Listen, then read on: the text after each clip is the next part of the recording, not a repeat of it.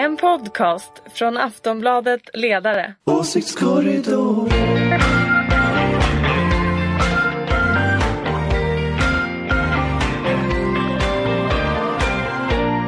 Okej, hej och välkomna till Åsiktskorridoren. Det är Aftonbladet Ledarsidas podcast eh, som läggs ut på fredagar, spelas in på torsdag. Idag lite ovanligt tidigt, vi, klockan är före elva idag. Hej Ja. Ulrika Schenström. Hej, det var jag som kom tidigt. Mm. Då var all- vi andra tvungna att släppa. Jag är lite pigg, det är fint väder, jag är på gott humör. Fast det är kallt. Ja, men det är skönt. Nej det var väl inte kallt 10 grader nästan? Plus. det är kallt för att vara, Ja, men jag vi är i sagt, Sverige, du tror ju det. fortfarande tydligen att du är i. Gambia. Johanna Sima Ja. hej. ja, hej hej. Och Ingvar Persson. Ja, Och jag- vikarierar som sur sossegubbe idag. Ja, men det är väl alldeles utmärkt. Eh, du har ju inte hum, du är inte hummersosse. Och när vi säger hummersosse, då, det här kan vara förvirrande. Hummersosse är en högersosse med fäbless för säkerhets och Det är alltså försvarspolitik. bilen hummer, Ja, inte, inte- inte hummerkniv eh, Nej, vänster. nej, nej, bilen. Eh, och jag heter Fredrik Virtanen och är ju då eh, Ja, jag, jag är väl the token centerpartist helt Yes. Jag försöker, jag, jag kämpar för att vara det. Det har gått upp för dig idag. Det är roligt att du inte vill vara the voice of reason. Det är väl det som Centern är. Nåja. Ja, det går bra för Centern nu och det går dåligt för eh, ditt parti. Ja, Om och om igen går det dåligt. om och om Vad står igen. det på stora Aftonbladet ettan idag? Det står nya krissiffror för M. Mm. Och sen har bildredaktören som vanligt så är det där, alltså det är bildredaktören man måste liksom vara kompis med va. Därför det är den som alltid tar fram den fula bilden när det går dåligt och när det går jättedåligt då tar vi gärna en bild så här. Åh, vi, och vi, och vi, liksom så att man ser alla fåror och allting. Det är så dåligt. Jag tycker de ser ganska Jag bra Jag tycker också det där var helt. Men, men alltså det kan, man, det kan jag förstå i din roll. Eh, det, finns ju, det finns ju också lite olika, det finns ju sådana bilder som man vet blir fantastiska.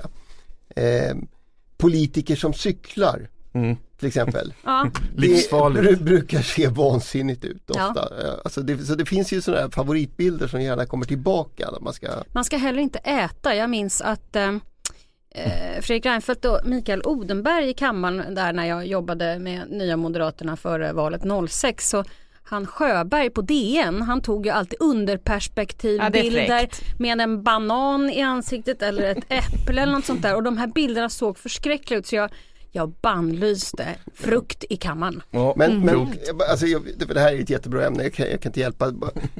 Det där ju, liksom diskvalificerar jordbruksministrar, så det måste ju hän, hänga lite på vem man är också. Alltså Eskil Erlandsson gjorde ju nästan inget annat. Han hade ju ett helt Instagramkonto när han åt eh, allting hela Ja. tiden och det funkade ju för honom. Ja, Matsverige var väl hans tema. Exakt. Jo, Ja, men han, han- skulle ju äta. Eskil var ju så Kom Livsnjutare. Ja. inte in på det där nu. Jag Nej, vet, jag- jag ser på Nej, men dig. jag ty tyckte om Eskil och jag höll med honom i sak om du tänker på tidelaget. Men, haha, Det är det, var du att- som sa det. Det är klart att det inte ska vara förbjudet. Det är ju helt sjukt. Alltså det där kräver att man reder ut det där lite närmare. Ja men jag menar, herrejösses, morallagar ska vi väl inte ha i det här landet. Sen blev det ju, det blir ju roligt såklart. Det är klart det blir roligt. Det blir ju roligt. Man får ju bilder i huvudet av Det är en YouTube-klassiker, kolla upp det. Ja, nej. Eh, vi ska snacka om Toba, Thomas Tobés eh, bonusanvändning. Vi ska prata om eh, Hultqvist såklart. Vi ska prata om IS-krigare och Alice Bah Kuhnke och regeringens ja, eventuella plan för våld och mord och skjutningar i eh, förorter framförallt. Men först ska vi inte, är vi inte lite glada idag ändå över Nederländerna? Jo, Jo, Stjärt! äntligen kanske vi börjar se en, ehm, en vändning faktiskt. Det kan vara så att det här med Brexit och Trump som vi några gånger har varit så deprimerade över kanske ändå har fått folk att inse att shit, folk har gjort fel bedömning. Man har gjort fel prognos på hur utfallet ska bli. Så det kan ju vara så att om vi nu ska se det positivt att folk helt enkelt har börjat tänka efter och inte bara gått på enkla lösningar. Nej. Nej. Men precis att För vad som händer då att, alltså det, det, är, det går inte att komma undan hans namn, att han heter Stjärt, det är liksom omöjligt att inte roa Men här, av. även här var ju mätningarna fel för den Mm. som det skulle bli blev det inte. Men vad fick han till sist, eller hans parti? Det var bara 13 13 procent. 13 procent. Ja, men i mellantiden från förra valet så var han uppe på mycket högre siffror. Ja, han var största parti länge. Så att det var ju den här krisen med Turkiet nu sista veckan före valet som fick eh, de här högerliberala eh, regeringspartiet VVD, Mm. VVA, Det är det. ja vad de nu heter. Det är alltså Nederländernas Moderaterna som praktiskt taget har tagit här. Medan, vi ska ju säga då att för sossarna däremot, vad var vad- 6 procent? Absolut. Ingvar, Alltså, du måste allt- ju skaka in i märgen. Ja men det var ju i och för sig, det var ju, det här är som de säger i ekonomisammanhang eh, eh, inprisat. Eh, man visste ju, alltså det, nu är vi jätteglada över att eh, Wilders inte blev största parti. Mm. Eh, han går ju fortfarande framåt dramatiskt sen förra, Mm. förra valet. Vi är glada över att eh, de konservativa ändå inte blev så små som det var meningen. Vi är glada över att Socialdemokraterna överhuvudtaget blev kvar. Alltså det är ju en förskjutning utav holländsk politik jämfört med hur det har sett ut förut. Och det är ju alla också överens om, det är ju att Wilders har, har, har ju styrt valrörelsen. Den har kommit att handla om de sakerna som han ville prata om. Eh, så, så det är klart att ja, jag, håller, jag håller verkligen med Ulrika om att det efter allt som har gått precis så vansinnigt som man bara inte trodde att det kunde så känns det skönt att något inte gör det men bra Men det är lite som är det att, att, att det är inte Många hoppas ju på att eh, det här är ett trendbrott. I så fall kanske man det trendbrottet startade redan i höstas i Österrike. Ja. I presidentvalet där, där de gröna blir störst. Och även i Holland nu så växer ju eh, de, det gröna vänsterpartiet väldigt starkt. Eh, Ja, det gör de det, är, ju. det är en Alltså, grön våg. den här, det här som vi har pratat om, det här hur man försöker sätta bilden av Sverige, hur vissa grupperingar försöker göra det och, och, och pratar med liksom utländsk media och försöker liksom säga sådana här saker som att ta in militär i Rosengård och sådana här saker. Någonstans har det börjat bli lite transparent, att folk börjar fatta att det inte är så här. Det finns jättemånga problem vi har att ta tag i. Men det är inte så att inte solen kommer gå upp imorgon. Och det är en viss väsensskillnad mellan att ta hand om klyftor, eh, utmaningar som bostadspolitiken eller, eller jobben och så vidare. Än att tro att allt håller på att gå åt helvete. Mm.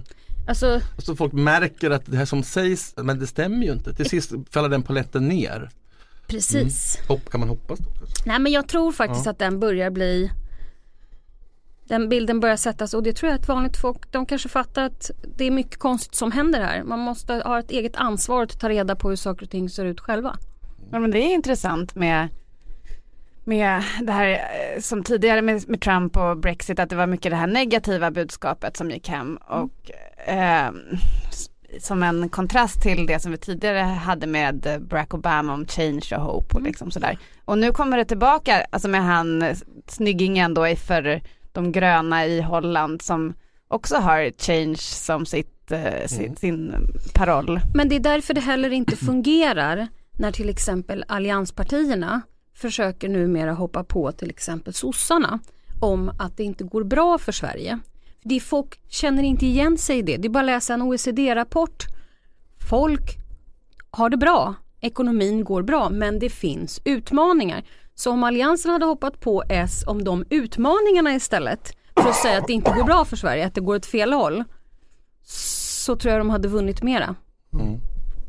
Ja. Vad- Härnäst, är det Frankrike först, sen Tyskland? Mm. Mm. Tyskland kanske är först i höst eller? Ja, september. Ja, september. Ja vi får se men ja, vi är lite nöjda över detta. Mm. Nederländerna, om man säger Nederländerna i alla situationer förutom när det gäller fotboll, då säger man Holland, det har jag lärt mig. För det där är lite rörigt ibland. Nu vet ni det. Mm. Okej, okej. Fotboll är särskilt alltså. Ja, fråga mig inte varför men det är väl för att just eh, de, ja jag vet. Det är väl den enda fotbollskunskap du har Fredrik? Ja det, det är faktiskt allt jag vet och att vi har någon som heter Zlatan som fortfarande spelar. Mm, då är vi samma nivå du och jag ungefär. Eh, jag tänkte på det här med to- Thomas Tobé, att vad jag inte bryr mig om att han har Men jag såg att du twittrade det igår. Ja, jag menar samtidigt inser jag såklart att ja, det, det är ju fel. Mm. Men det känns som en, så, en fråga som, det är så mycket annat som man borde fokusera på. Ja, det finns mycket annat man kan fokusera på. Och jag kan säga att jag har ju eh, själv varit med om, om drev och jag har sett eh, många vara med om drev och jag har tagit hand om många i drev. Och en sak kan jag ju säga. Det här, man ska alltid ställa sig frågan, varför dyker det här upp nu? och vem gynnas av det? För jag, det här är ju typiskt läkt, jag kan ju ha helt fel naturligtvis men det känns så det, det, är samma, det går alltid samma väg va? Det kommer någonting som är ganska litet, inte jättestort. Sen byggs det på och sen kommer en åklagare. Det, det, är liksom, det är alltid samma väg det går på något sätt. Men, men Ulrika, betyder det att du menar att, att det spelar faktiskt ing, varenda makthavare? Nej, jag, det skulle- var inte det jag sa. Men Nej. jag sa bara att det är nog någon som vill någon någonting illa. Du menar att det är liksom att det är inte en någon van... internt i partiet? Nej, det vet jag Antyder inte. du? Nej, Nu men- ska vi inte källforska såklart så vi Nej, är men journalister. absolut men. Det här vi kan ju Men jag tycker att det lite. känns väldigt placerat. Det känns inte som så här äh, Expressen har begärt ut alla korträkningar och sen så har för det gör de ju regeringskansliet och riksdagen då och då. Det händer ju alltid. Utan det här känns mera så. Men jag kan Men ha fel. Det är intressant för eh, jag kommer, jo det var ju i eh, Torbjörn eh, Nilssons eh, reportage här i, i fredags. Eh, där han skrev om Moderaternas kris också, tror jag att det var. men, men just att, att partiledningen nu som är hårt ansatta, att det, det är ingen som står upp för dem. Alltså det är många av de här ledande moderaterna som inte försvarar Tobé och Anna Kinberg Batra utåt. Så att det kanske finns sk- Ja men det är klart att det vet, det vet ju ni nu. också.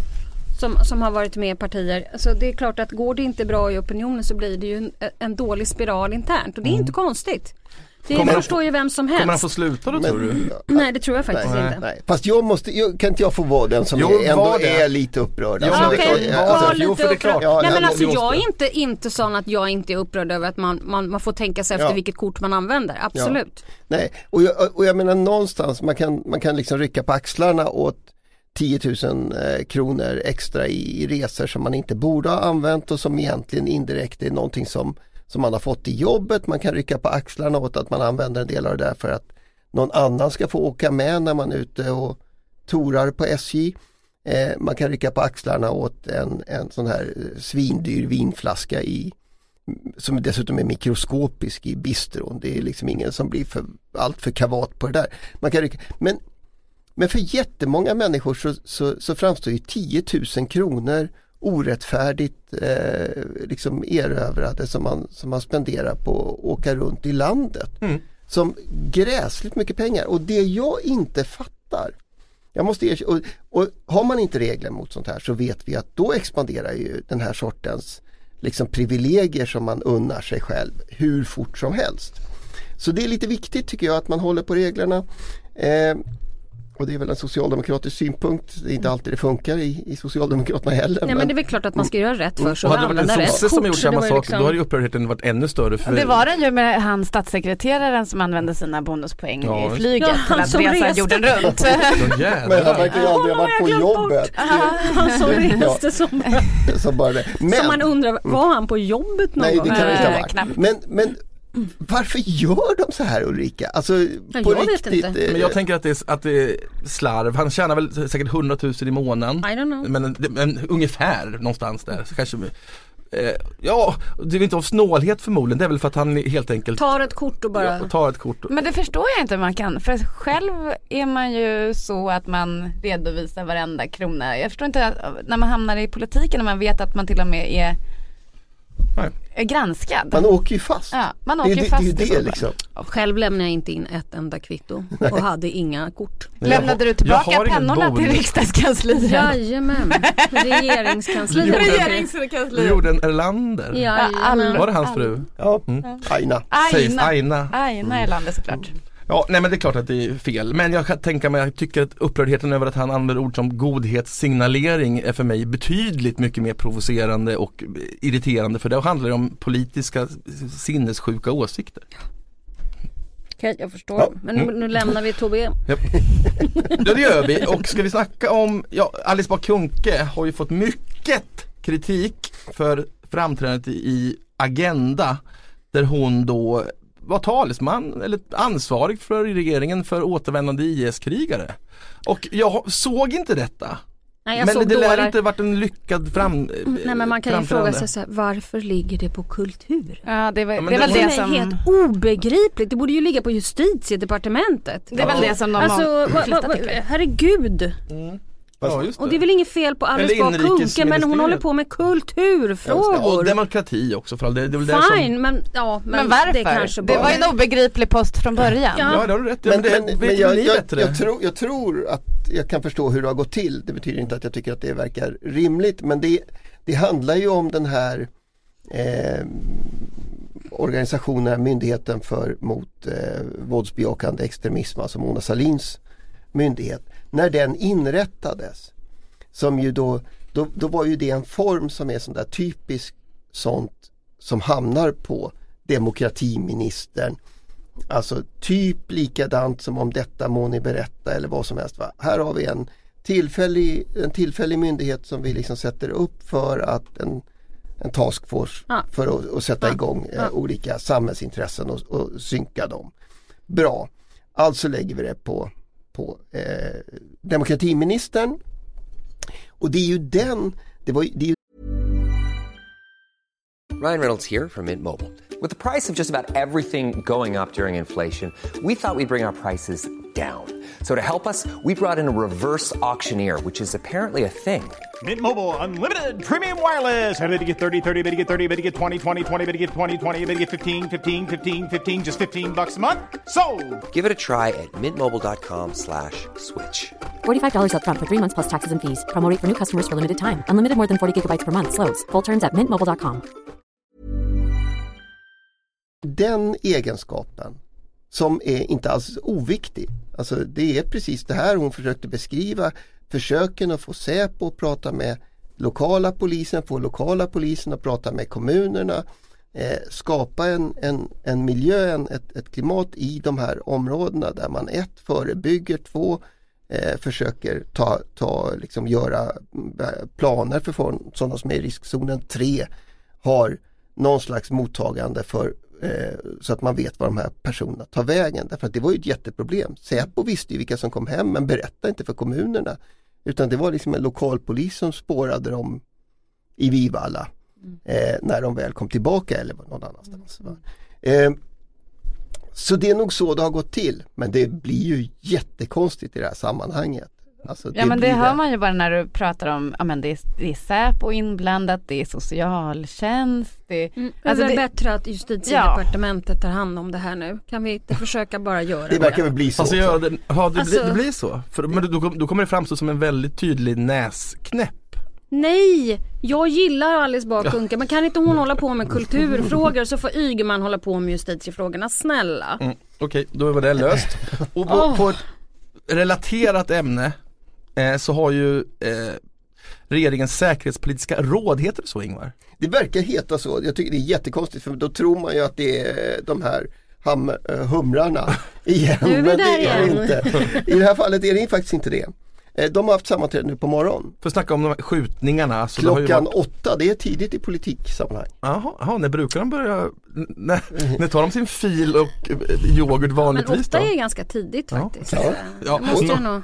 Ja. Ja. Eh, här Moderaterna är sov lite längre på frågor. eran tid kanske. Ja, precis. För ni, ni nattsuddade mer kanske? Nej, det gjorde vi tyvärr inte. Det hade varit roligt om det var lite oftare. Mm. Jag tänkte att ni var lite inom sossarna har roligare. man till och med en app som man vaknar till ju. Är det sant? Har- Sosse-appen? Har du inte sett Löfvens app? Det var ju valrörelsen. Jag vet inte om de har kvar den. Men det kan de Då man vaknar till en lite jobbigare morgon men en bättre Nå, framtid. då kan man då säga att nu när det börjat bli- ske skjutningar i Stockholm, då då blir det en fråga för regeringen, eller är jag en populist nu?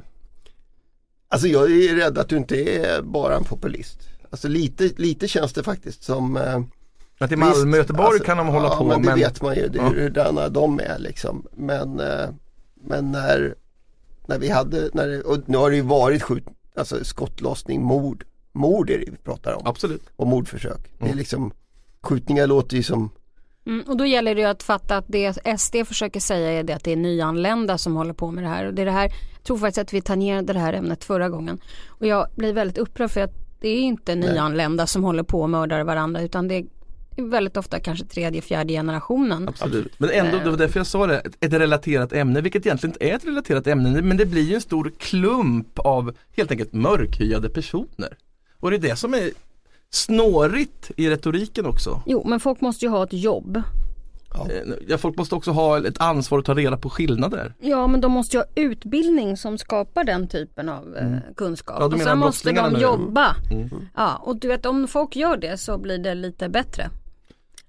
Jag, jag, Och kanske kännbara straff om man ska vara Men vi inom, nej just det, jag, jag- vi inom Centern eh, vet jag inte vad jag tycker. Men vi, vi, vi, om jag går tillbaka till när det verkligen är så är det ju alltid ett klassproblem att man har övergivit de här ställena. Att det avfolkas, posten Jo men då försvinner, behövs det ju oerhört försvinner. många insatser för att få folk i sysselsättning Jag vet, vad ska de göra då? Men, men jag, jag, jag tycker man måste hålla två tankar i huvudet på en gång när det kommer till det här.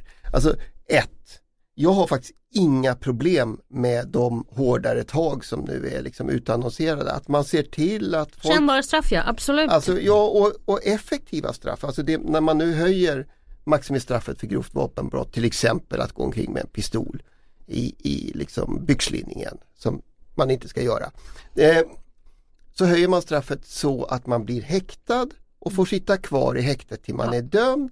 Det borde göra det betydligt mindre lockande att gå omkring med en pistol bara ifall man skulle bli osams med någon. Det tycker jag, jag har inga problem med det, jag har inga problem med, idag säger efter det här mötet med de, det är myndighetschefer han har träffat. Man ska liksom samordna olika myndighets, Okej. eh, eh, och, eller han, hela Men även stora delar. säkerhetspolisen och sådana saker såklart. Eller det är ju en Absolut. myndighet för all. Ja, men sen finns det ju tyvärr, jag, jag håller med dig i mycket att det behövs eh, Mm. en skär, mer uppstramad lagstiftning kring det här med att bära vapen och kanske det här med att, att eh, vad är det man säger, straffrabatten på när personerna är yngre, att, att man kanske måste, så att inte även unga människor med vapen bara kan häktas och sen släppas ut igen och få tag i ett nytt vapen. Eh, Men däremot så finns det ju ingen quick fix för hela problematiken. Alltså det är ju, eh, jag vet inte om ni såg på Rapport och Aktuellt igår där de hade fått en intervju med två stycken 15-åriga, 17-åriga kriminella som beskrev, de visste att det var dåligt det de gjorde men de bryr sig inte och det var, vi har absolut ingen mat hemma, det finns aldrig aldrig någonting i kylskåpet, vilket också var samma sak som en av de här gangstrarna som eh, Janne Josefsson intervjuade i sin uppföljning i Fittja. Mm. Eh, alltså det är riktigt, riktigt fattigt. De, eh, de här unga killarna sa att vi, vi lär oss inte något i skolan för jag kan inte läsa eller skriva. Alltså jag, han har inte fått tillräckligt med hjälp. Och det har vi också sett en skola i liksom förfall i och med bostadssegregationen också. Det är trångbott, folk kan inte vara hemma. Föräldrarna är arbetslösa som du säger, man är fattig. Alltså det, det finns ju inte bara, det här säkerhetsrådet kan göra en, en viss del men det krävs ju så mycket mer än så. Och därför blir det ju lite platt när alla håller på att liksom tävla nu om hur många fler poliser som ska till. Det är ju en mycket, det är ju ett helt paket som måste till med åtgärder. en Och det är det jag menar med två tankar Ja, eh, i huvudet absolut. samtidigt. Ja liksom. minst två va? Oh, Ja. men, och så, men alla är väl överens om att om man vet att någon är skyldig så döms den ju. Det är ju att bevisa och sånt som är problemet. Men sen samtidigt, jag håller ju med Ingvar, jag håller med alla. Men det, det är klart att man ska låsa in dem, du, du, man kan gärna höja straffen också. Men samtidigt vet jag ju, eh, särskilt från USA, där överallt där det lyckats med deras inner cities är ju tvärtom. Att bura in papporna eller de unga männen under lång tid det på sikt cementerar ju bara problemet. Då kommer de ut och deras familjer är ännu fattigare då eftersom de är på kåken istället. Sen kommer de tillbaka. Vad ska de göra då? Gör återgår till brott. Så det här med långa straff, på sikt är inte det lösningen. Liksom. Nej men verkligen inte. Alltså det är därför jag tänker att det faktiskt handlar om, om en viss precision. För jag tror att vi befinner oss i vissa miljöer i en brytningstid. Alltså vi, när folk, när det, när det blir tillräckligt mycket våld så är det ju rationellt att beväpna sig. Det är faktiskt fullt rationellt därför att eh, är man den enda obeväpnade i en grupp beväpnade personer där dessutom våldströskeln är ganska låg, då ligger man illa till. Och den tröskeln ska man vara rätt noga med att, att försöka hålla sig på utsidan om. Det, och jag tror, att, jag tror det är viktigt. Så, men, men som sagt absolut, det är klart eh, ingenting av det här kommer att liksom lösa sig så länge vi lever i ett tjuvsamhälle som man sa förr i tiden där folk är, Som är en pilsnerfilm. Ja, där folk är fattiga och klyftorna ökar och allt. Det, det är liksom grunden. Det här mötet då som börjar åtta, har de kommit ut och sagt någonting om det i, i, i den här sändningen? I den, här sänd, I den här sändningen så har man inte helt överraskande konstaterat att allt måste göras mycket bättre och det är inte och, och mycket görs Och det är inte omöjligt att polisen måste få mer pengar. Det var, eh, var Ja, jag såg mm. att han, eh, Viktor Bert Kron Kron.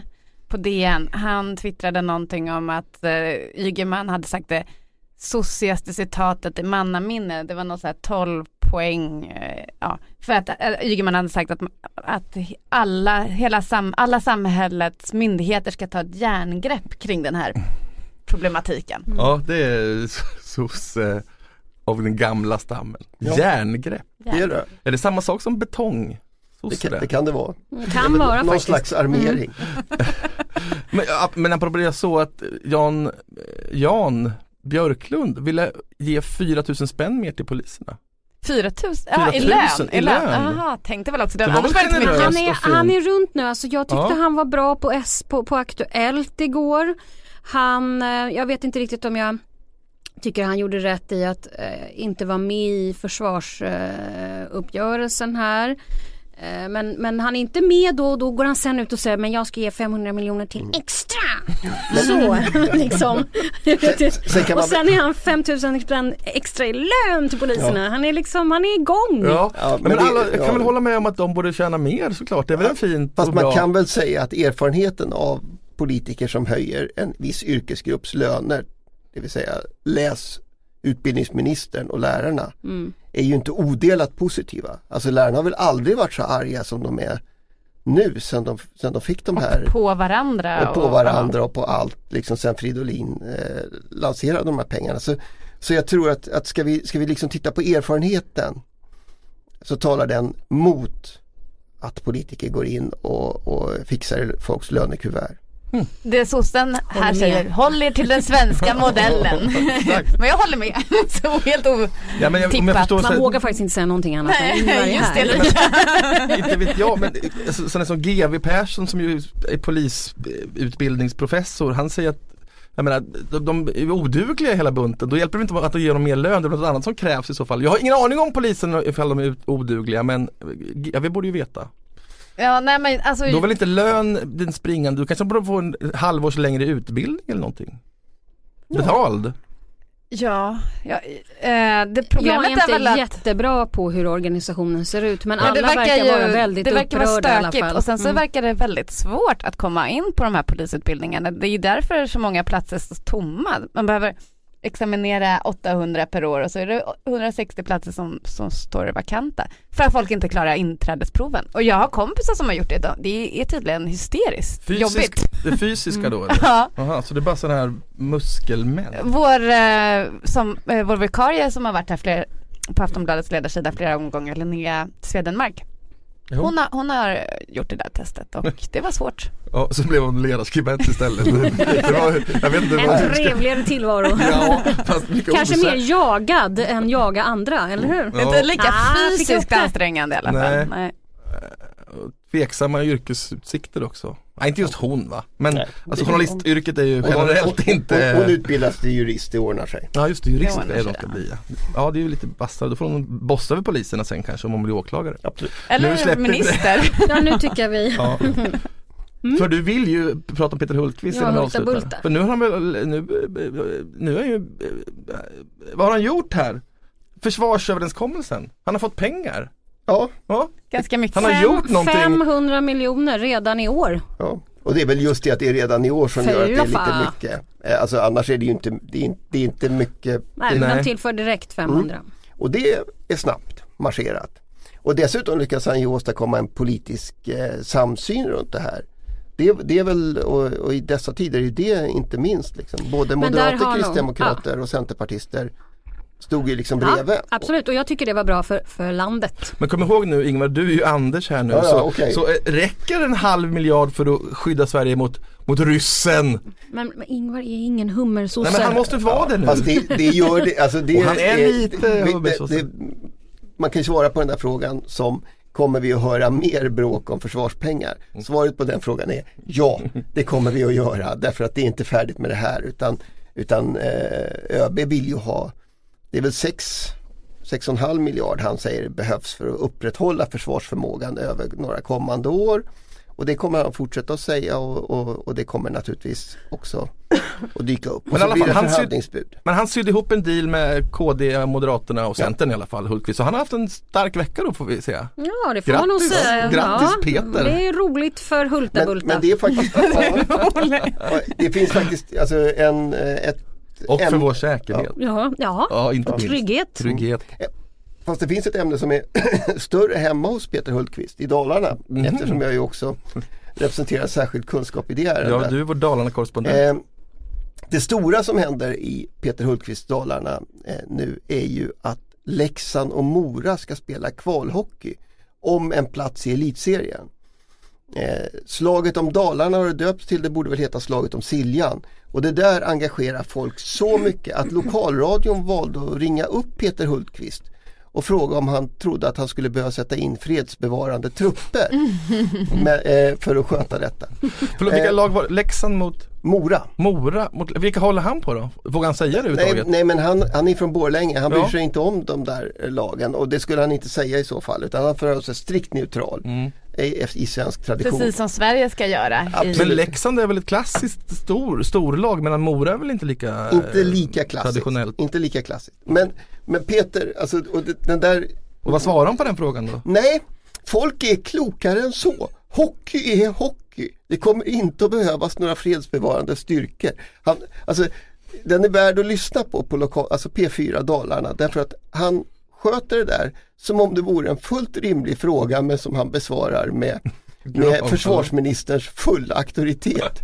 Nej, det blir inte, det blir inte några fredsbevarande eh, styrkor. Folk är klokare än så här. Ja men de kan ju bli rätt arga på varandra när det är hockey säger reportern. Ja men de förstår att sport är sport. Säger Peter Hultqvist. Var- Han är ju en mästare, det är helt rätt att vi följer Peter Ingmar står för Hultqvist. riktig Hultqvist-kuriosa Ja, här. verkligen. Ja, eh, och då eh, ska vi sluta då eller? Ja vi har ju klarat av Hulta-Bulta. Ja, då har vi gjort allt. Och klockan är bara halv eh, tolv, så allting som händer efter halv tolv känner inte vi till På torsdagen. på torsdagen. Ha en trevlig helg allihopa. Ulrika Schenström, tack för att du kom. Tack, trevlig helg. Jag, Johanna Sima, Ingvar Persson och jag heter Fredrik Virtanen. Hej, trevlig helg. Trevlig helg. Åsiktskorridoren